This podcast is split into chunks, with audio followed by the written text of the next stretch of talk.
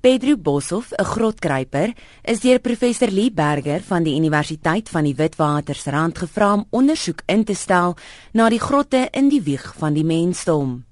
Ek het begin werk daai tyd aan die uh ooste kant van die Kruidel area en ek het deur van hierdie grotte begin gaan en eendag het ek myself vasgeloop in 'n hyena. en ek het besef wat ek doen is stupid. En dit ek ook besef maar die scope van wat ek moet doen is geweldig groot. Dit is net dit is net te groot vir een mens om te doen. Dit ek my mense genader, my grotmense en hulle gevra wie sal belangstel om my te kan help. So 3 of 4 weke later het twee lede van sy groep, Rick Hunter en Steven Tucker, die fonds gemaak. Wat jy doen is jy jy gaan deur 'n hele reeks kamers en dan deur een baie klein dingetjie genaamd Superman. Nou mense, ek is ek dink ek is redelik groot, maar ek kom net net daardeur, maar met moeite jong. Inteendeel, ek het daar my my my ribbes gebreek. Kom jy in 'n redelike groot kamer en dan kom jy by 'n ding wat ons noem Dragons Back. Nou die Dragons Back is baie duidelik 'n 'n rots wat uit die dak uitgeval het met hierdie grouwe knoetse op wat opwaarts lei na 'n baie baie klein kamertjie. En dis waar ons aanvanklik gedog het hierdie grot eindig. Dit's dit. Want aan die aan die regterkant is daar 'n klein slot. En die ding is wat 16, 17 cm. Hulle is daar fisies daardeur tot in die Dinaledi kamer. 'n Paleoantropoloog, Dr Marina Elliot, oorspronklik van Kanada en nou verbonde aan die Universiteit van die Witwatersrand, was vandag 1 af betrokke by die projek. I think we all thought initially that it was going to be, as Lee said, you know, sort of one skeleton, and it would be, you know, this sort of month-long expedition, and then that would be the end of it, klaar done. But it has become so much more. Dr. Elliot het deel geword van die ekspedisie juis omdat sy aan die vereistes van 'n klein en fyn navorser voldoen het. Sy vertel dit was geen maklike taak om haar in die Dinaledi kamer in te wrimmel nie. 17, 18 centimeter crack, I guess is the best way to describe it.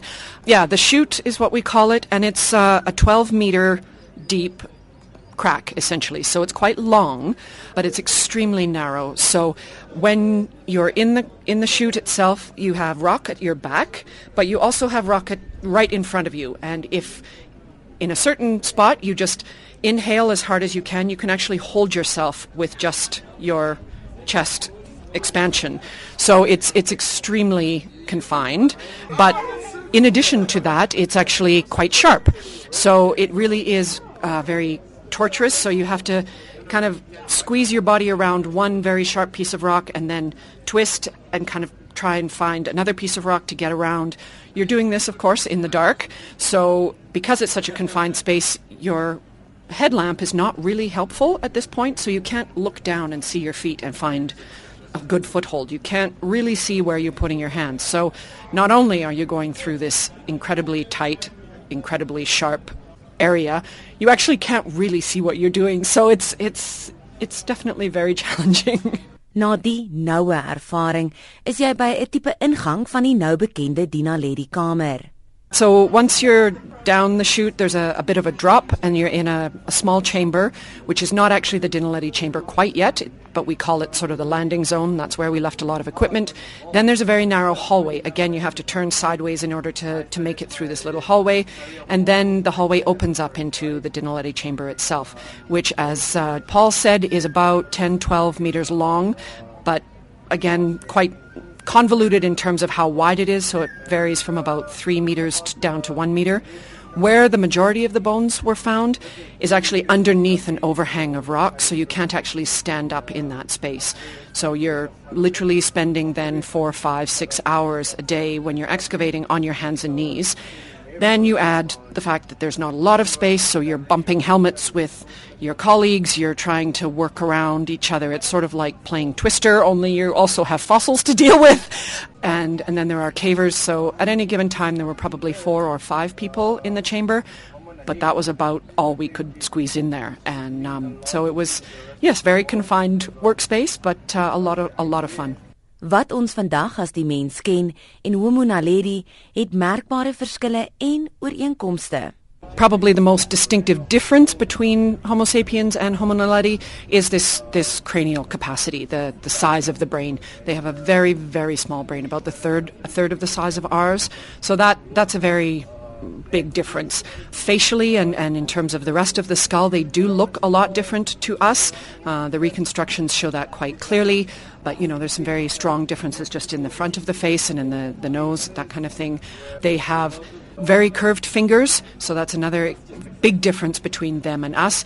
But one of the similarities is that they have some very similar morphology in their wrist. So in the way that the bones are shaped in the wrist look very similar to us. Same with the foot. The foot is, is very, very human-like in its in the bone shapes and in the way it's configured. So we're pretty sure that it, it walked on two legs just like we do. Some of the, the shoulder structure and in the, the hips and, and pelvis are very different from us. They're much more like, like Lucy or some of the other Australopithecines. The teeth look very similar to us. There are some, some distinct differences and they're very small, so they don't look they don't look like a lot of the early Homo material or some of the Australopithecine, particularly the robust material, which have very big teeth. So these teeth are very small, very, very human-like, but then with some distinct differences.